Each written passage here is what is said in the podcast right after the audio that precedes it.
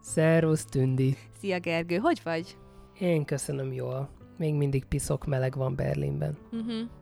Hát sajnos ilyen az időjárás, az olyankor szokott velünk kiszúrni a legjobban, amikor pont nem szeretnénk, mert nyaraláskor pont hűvös van, amikor dolgoznunk kell, akkor leesül rólunk a ruha. Így van, de legalább nem másik bolygón vagyunk. Ha, az vajon jó dolog lenne, vagy nem? Ugye attól függ, hogy melyik bolygón. Igen. De figyelj, szerintem rekordot döntöttünk a leggyorsabb átvezetéssel. Nem, mintha talán a néhány epizóddal ezelőtt lett volna egy még gyorsabb, de Hát... Minden esetre ma beszélni fogunk a bolygókkal kapcsolatos, igazán izgalmas és egzotikus témáról, amely az exobolygók, tehát a mi naprendszerünkön kívüli, más naprendszeren belüli bolygókról fog szólni. Igen, és egyébként ez miért egy érdekes kérdés? Ez egy rendkívül érdekes kérdés. Úgy, ugye, ami számunkra is az egyik legalapvetőbb kérdés, hogy a mi életünk hogy alakult ki a Földön, tehát mi miért vagyunk itt. És hogyha egyébként más naprendszerek, más bolygóit kutathatjuk, a kérdés rögtön az az, hogy vajon van-e élet máshol az univerzumban. Így van, és akkor ugye vannak a különböző csoportjai az embereknek, valaki azt szeretné, hogy legyen, valaki meg azt, hogy ne. Ez nyilvánvaló mindenki számára egy, egy szubjektív dolog, meg hát azért nyilván sokszor a szenzációhajhász emberek azok, akik sokat beszélnek erről, hiszen ugye szóban forog az is, hogy tönkre fogjuk tenni ezt a bolygót, hát akkor keresni kell egy másikat, amit utána elkezdhetünk tönkre tenni. és ugye ezek a bolygók, az exobolygók, és alapvetően ez azért még mindig igen csak a tudományos fantasztikum körében fordulhat elő számunkra, hogy másik bolygót meglátogassunk, hiszen a mellettünk lévő csillag, hogy a Proxima Centauri, az is olyan távolságra van, hogy, hogy emberi léptékkel gyakorlatilag jelenleg még megközelíthetetlen lenne. Igen, abszolút. Ugye hiába arról beszélünk, hogy ez körülbelül egy négy fényévnyire van, ami azt jelenti, hogy a fény fénysebességgel négy év alatt teszi meg ezt a távolságot. Ugye, hogyha mégis tudnánk utazni, amennyire tudunk utazni az űrben, jelenlegi technológiai fejlettségünk ismereteiben, Ugye nekünk ez sokkal-sokkal-sokkal több idő lenne, mert hogy ugye a fénysebességnek csak egy kis töredékével vagyunk képesek haladni, és egyébként, hogyha fénysebességről beszélünk, és fénysebességgel, közeli sebességgel haladna valami, akkor ott meg bejön a képbe egy csomó relativisztikus fizika, amiben meg inkább nem menjünk bele, mert fejfájást tudna okozni, nem beszélve a hatásáról, hogy milyen lenne úgy utazni. Így van, tehát azt azért tudjuk, hogy azért, amikor a részecske gyorsítókban egy protont felgyorsítanak fénysebesség közeli sebességre, akkor a gyakorlatilag az akkor vélt mérhető tömege az már közelíteni a kilogrammot is. Tehát itt azért tényleg, ahogy mondtad, nagyon sok olyan dolog bejön. Na de ne kanyarodjunk el még ennél is távolabbra, maradjunk az exobolygóknál mert hogy a közelmúltban több ezer ilyen bolygót is felfedeztek, amelyek távoli csillagok körül keringenek, és a legtöbb exobolygót a csillagok fényességében bekövetkező apró változások keresésével találják meg. Hiszen gondoljunk csak bele, ugye, hogyha távolról nézünk egy csillagot, akkor annak a pozícióját vegyük konstansnak, tehát stabilan ugyanott marad, és ahogy uh-huh. a bolygója kering körülötte, ugye amikor a bolygó belép a csillag elé, és ott elhalad, akkor a csillagból érkező fény erőssége az egy nagyon-nagyon picit csökkenni fog, hiszen kitakar belőle valamennyit a bolygó. Ugye a bolygó méretéből, illetve a csillagától vélt távolságától függően ez a fénymennyiség, ez változni tud.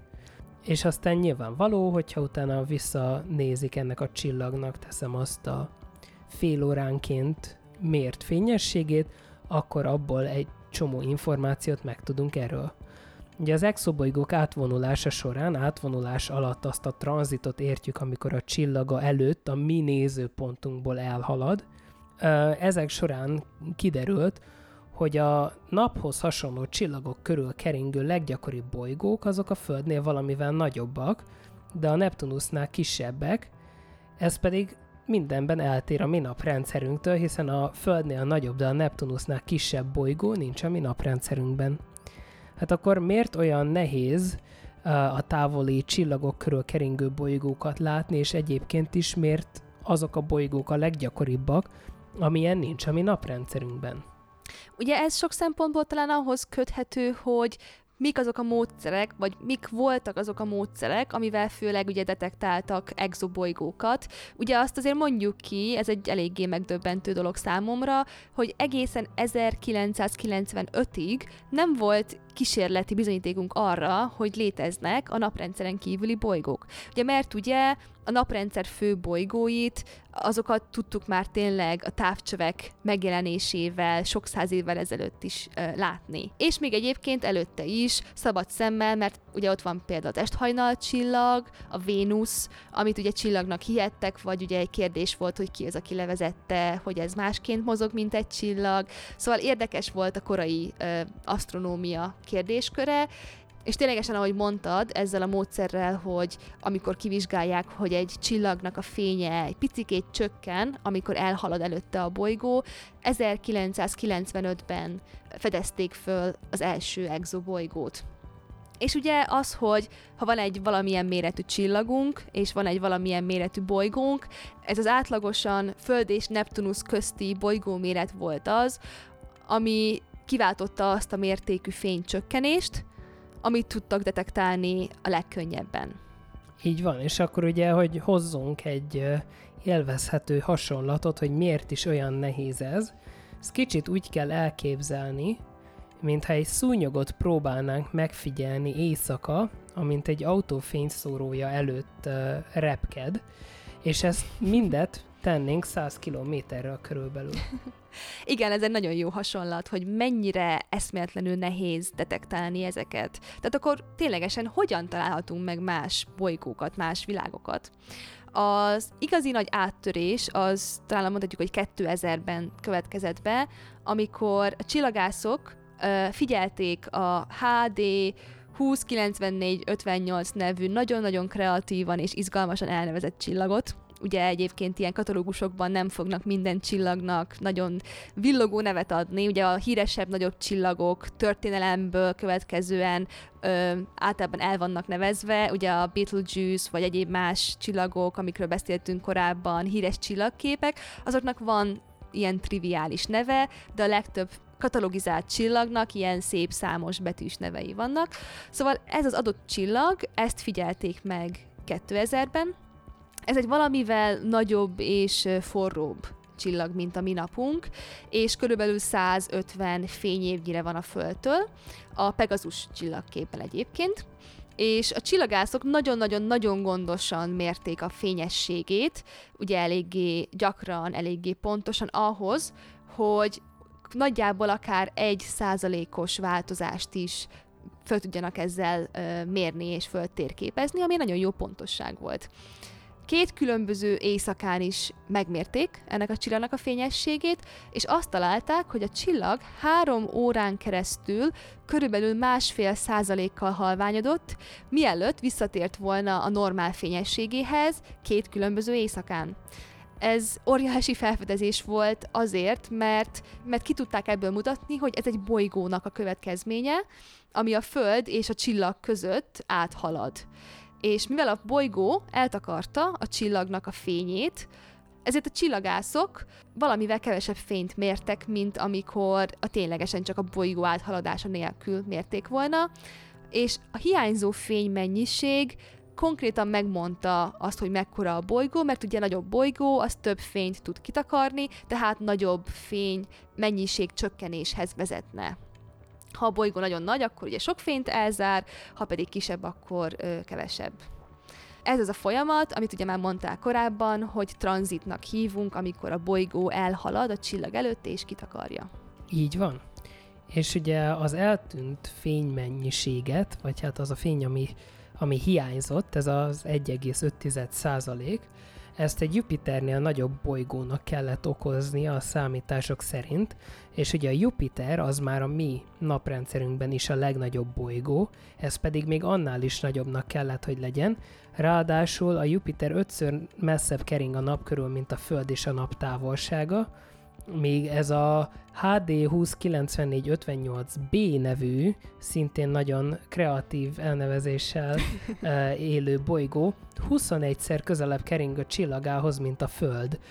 Ez azt eredményezi, az, hogy ugye ilyen közel van a, a csillagához, hogy rendkívül forró, körülbelül 1200 Celsius fokos a hőmérséklete, és ugye, ahogy mondtuk is, a Jupiterhez hasonlóan ez a bolygó is egy gázóriás, tehát nincsen szilárd felszíne, innentől kezdve aztán az, hogy 1200 fokos, és hogy nincs szilárd felszíne, viszonylag szuboptimális lenne ottani emberkolóniát felépíteni, ráadásul 150 fényévre van, ugye, tehát nem is igazán érnénk oda jó néhány generáción keresztül. Hát igen, viszonylag szuboptimális.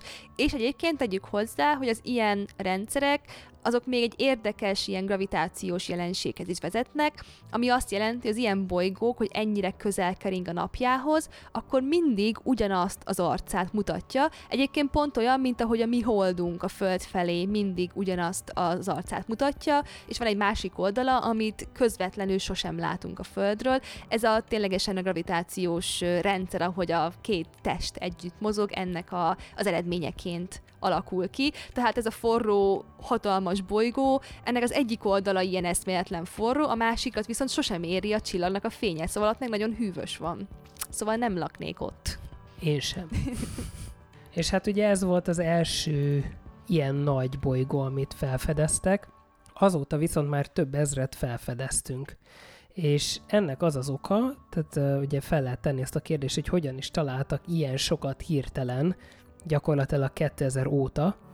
Hát ennek az oka a Kepler űrteleszkóp maga, amely négy éven keresztül 150 ezer csillagot figyelt meg, illetve ezeknek a fényét, és fél óránként pontos fényességméréseket végzett, és ez alapján több mint 2000 csillag mutatott úgynevezett tranzitot, amely felfedte egy egész bolygó állatkert jelenlétét gyakorlatilag, és méretük a Merkurtól egészen ugye a Jupiternél nagyobbakig terjed, és ezek közt aztán minden, ami elképzelhető, felfedezésre került.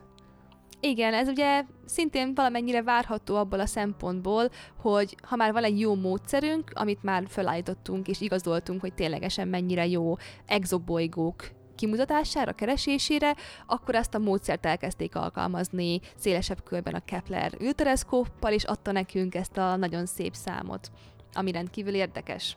És ugye ezek után jött a további meglepetés, amit már említettünk, hogy ezek alapján a kimutatott leggyakoribb bolygó méret az a Föld és a Neptunusz méretek között van. Ugye a mi naprendszerünkben vannak kő, kőzetbolygók, ugye a négy belső bolygó, Merkur, Vénusz, Föld, Mars, és vannak a külsőbb gázóriások Jupitertől kifelé. A másik négy, ugye a Plutó 9 az már nem hivatalosan bolygó egy jó ideje, mivel kis bolygó és nem felel meg ténylegesen a bolygó definíciójának. Szóval vajon miért van az, hogy ez az átlagos bolygó méret, ami egyébként pont, hogy a mi naprendszerünkben nem létezik. Ugye csak még egyébként, hogy levezessük, hogy a mi naprendszerünkben a Föld a legnagyobb kőzetbolygó, és a Neptunusz a naprendszer legkisebb gázbolygója, tehát a két kategórián belül ez a kérdés, hogy ugye az exobolygók miért a leggyakrabban ebbe a tartományba esnek, ez egy, ez egy komoly kérdés, ezen még most is keményen dolgoznak a csillagászok, hogy kiderítsék, hogy vajon miért. Ugye a kérdés az az, hogy ezek most kis gázbolygók, mint mini Neptunuszok, vagy nagyon nagy sziklás bolygók, kőzetbolygók, mint szuperföldek? Tehát vajon mi a válasz? Még nem tudjuk biztosan. És ugye akkor elgondolkozhatunk azon, hogy élhetnénk ezen a bolygón, ha mondjuk közelebb lenne hozzánk esetleg, Na hát ugye a csillagászok erre a kérdésre is próbálnak nekünk választ adni, illetve pontosabban arra kíváncsiak, ugye, hogy mindegyik bolygó felszínén lehet-e folyékony víz. Hiszen, hogyha a mi földünket tekintjük, akkor ugye a földön, ahol folyékony víz található, ott élet is található, és ez ténylegesen így van, tehát a leghidegebb sarki vizektől kezdve a legforróbb Yellowstone-i vízforrásoknál is, ugye ott vannak ezek a kénes baktériumok, a kénzabáló bacik, amik nagyon-nagyon boldogan éldegélnek ott. Igen.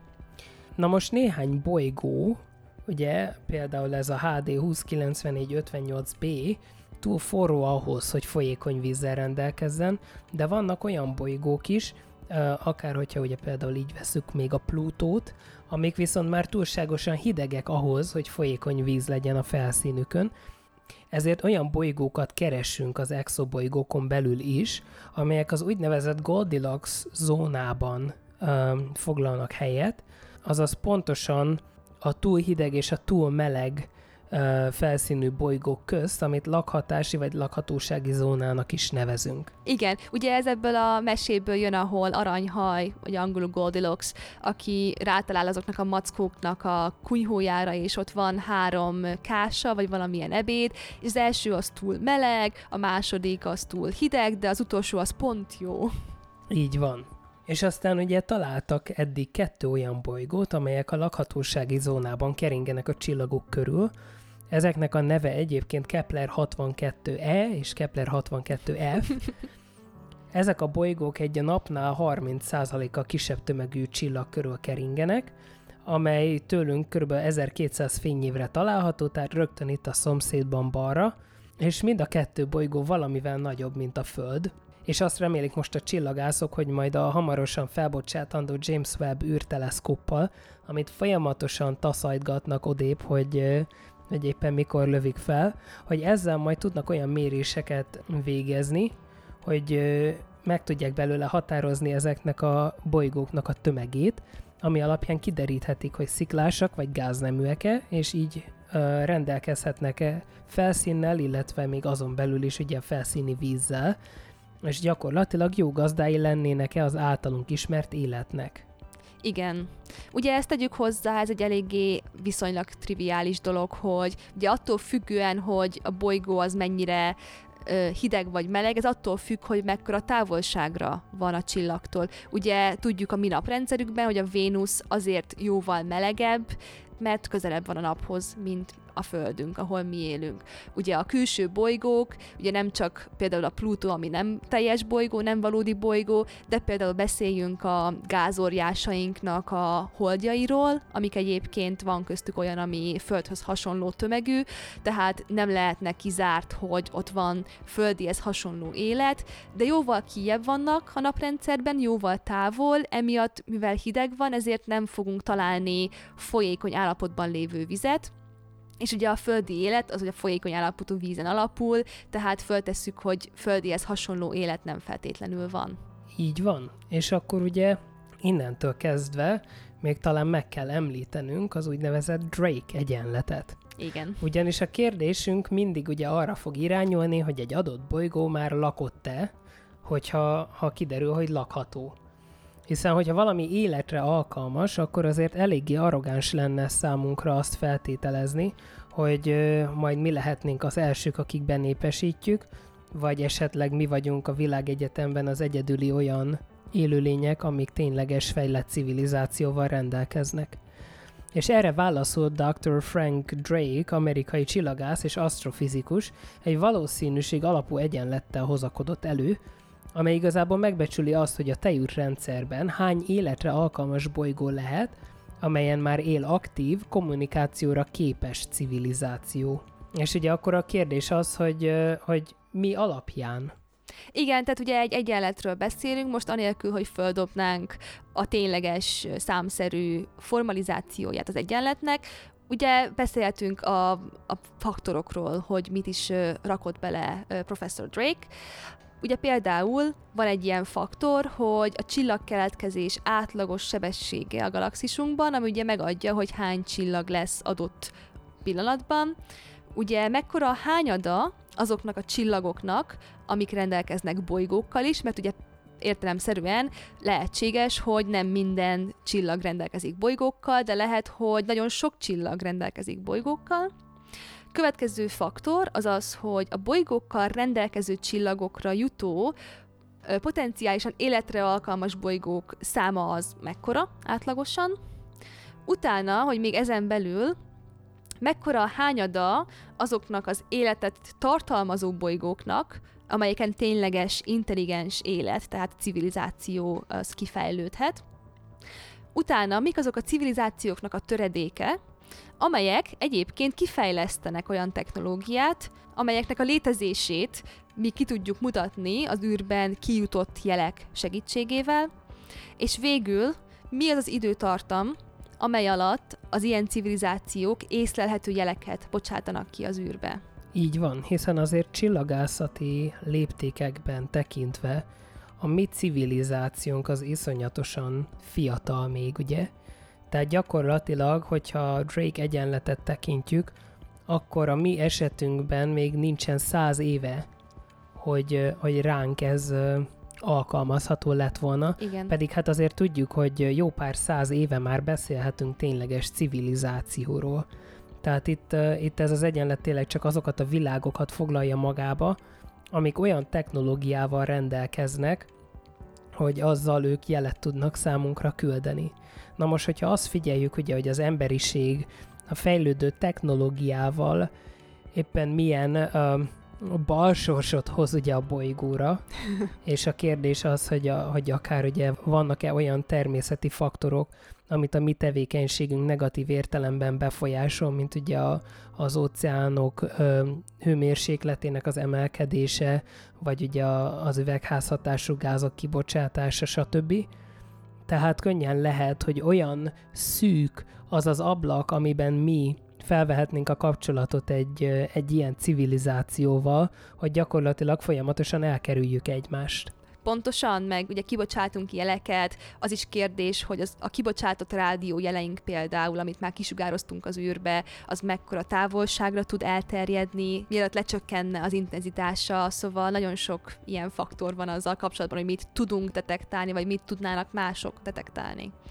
Így van. És aztán ugye Professor Drake azt állítja, hogy ha az összes bizonytalanságot és a minimum és maximum értéket figyelembe veszi, akkor a tejútrendszerünkben jelenleg körülbelül 1000 és 100 millió bolygó között van azoknak a száma, amik civilizációkkal rendelkeznek.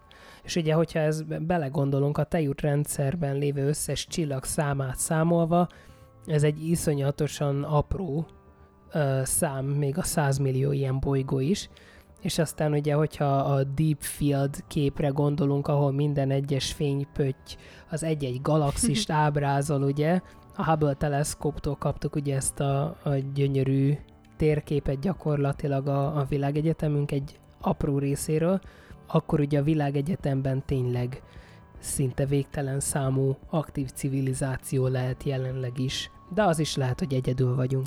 Lehet, és ugye nem lehet tudni, mert a Drake egyenlet egy, egy nagyon érdekes és informatív egyenlet, de egyébként nem állítja ő sem, professzor Drake sem, hogy ez mindent lefedne. Egyébként a legfőbb kérdés itt, az egyik legfőbb kérdés, én azt gondolom, hogy mik azok a, a faktorok itt a földi élet során, a földdel kapcsolatban, amik lehetővé tették, hogy mi kialakultunk egy ilyen fejlettségű civilizáció szintjére. Mennyire egyedi esetleg a mi naprendszerünk, meg a mi bolygónk. Ugye vannak ilyen pluszfaktorok, amikről ö, szoktunk beszélni, hogy van, akik mondják, hogy például a holdunk az egy eléggé különleges helyzetben van, egy különleges bolygónk van ezzel a holdrendszerrel, hogy egy ilyen szép nagy holdunk, mert jóval nagyobb bizonyos szempontból arányaiban, mint más bolygók körüli holdak, amikről tudunk, és komoly, stabilizáló hatással lehet a Földünk forgásának a tengelyére, hogy ne legyen az, úgynevezett precesszió, hogy nagyon kilengene a forgás tengelyünk, mert egyébként az szét tudná zilálni az évszakainkat, kicsikét így visszatérve, utalva a trónok harca sorozatra, ahol ugye ilyen nagyon kaotikus, össze-vissza lévő évszakok vannak, amik konkrétan egy, egy hosszú, akár nem tudom, sok éven tartó tél, az kiírthat egy intelligens, fejlett civilizációt. Ha nem éri túl senki, akkor már rögtön nem nem élte túl. Tehát az időjárás, a klíma, ami összefügg a bolygónknak a dőlésszögével, a forgásával, az egy komoly faktor az életünk fennmaradásával és kialakulásával kapcsolatban. Akkor más valaki beszélt arról, hogy ez persze egy fejlődésben lévő kutatási kérdés, hogy a mi naprendszerünk úgy tűnik, hogy lehet, hogy viszonylag egyedi abból a szempontból, hogy ugye itt van belül a négy kőzet bolygó, és kívül vannak a gázóriások.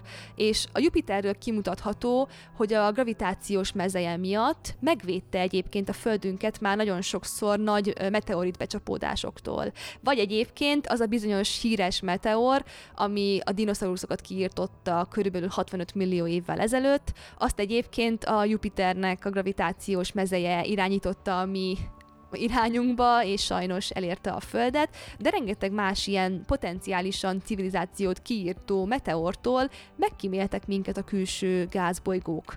Szóval ki tudja, hogy ha ez más naprendszerekben nem egy gyakori felállás, akkor ezek további faktorok, amit én azt gondolom, hogy vegyünk bele a Drake egyenletbe, hogy finomítsuk a, a számbecslést. Azért, azért mondjuk ki, valljuk be, hogy ez az 1000 és 100 millió közötti becslés, ez egy hatalmas becslés, bár egyébként a tényleges galaxis számokhoz képest eltörpülő, de nem egy túl pontos becslés, mert nem tudunk pontosabb becslést adni sajnos jelen pillanatban. Igen, ez azért ugye a hiba határokat tekintve, ez gyakorlatilag azt jelenti, hogy hát vagy van, vagy nincs. Igen. És egyébként még egy másik fontos kérdés, amit én ilyenkor mindig öm, fölvetek, hogy mi az, ami lehetővé tette számunkra, hogy mikrobiális, egyszerű életből felléphettünk a magasabb, komplex élet szintjére? Ugye igazából, ha ezt meg tudjuk majd fejteni tudományosan a Földön, hogy mi hogy alakultunk ki, meg az élet egyáltalán hogy alakult ki a, az életlen, szerves és szervetlen molekulák leveséből, akkor fogjuk tudni igazán megmondani, hogy más exobolygókon vagy holdakon vajon van-e élet. Illetve, hogyha eljutunk oda, hogy az űrkutatás elterjed először a naprendszerben jobban, és esetleg kimutatható lesz élet máshol. Szerintem egyébként mikrobiális, bakteriális életre például hatalmas valószínűség van. Majd, hogy nem szinte furcsa lenne, hogyha nem alakulnak ki. Az igazi kérdés az az, hogy hogy mik azok a bolygók, mik azok a helyszínek, ahol meg tudja az élet ugrani ezeket a hatalmas lépéseket, hogy bonyolultabbá, összetettebbé váljon. Így van. És hogyha nektek is van ehhez hozzáfűzni valótok, akár a Drake egyenlethez, akár az egész témához, vagy csak szeretnétek nekünk ö, üzenetet küldeni, akkor nyugodtan hagyjatok kommentet a videó alatt YouTube-on, írjatok nekünk Facebookon, üzenetet, vagy az üzenőfalunkra írjatok nekünk e-mailt, és hallgassatok minket természetesen a megszokott platformokon, mint Spotify, Google Podcasts, Apple Podcasts, Anchor, YouTube, és várunk titeket szeretettel a jövő héten is. Sziasztok! Sziasztok!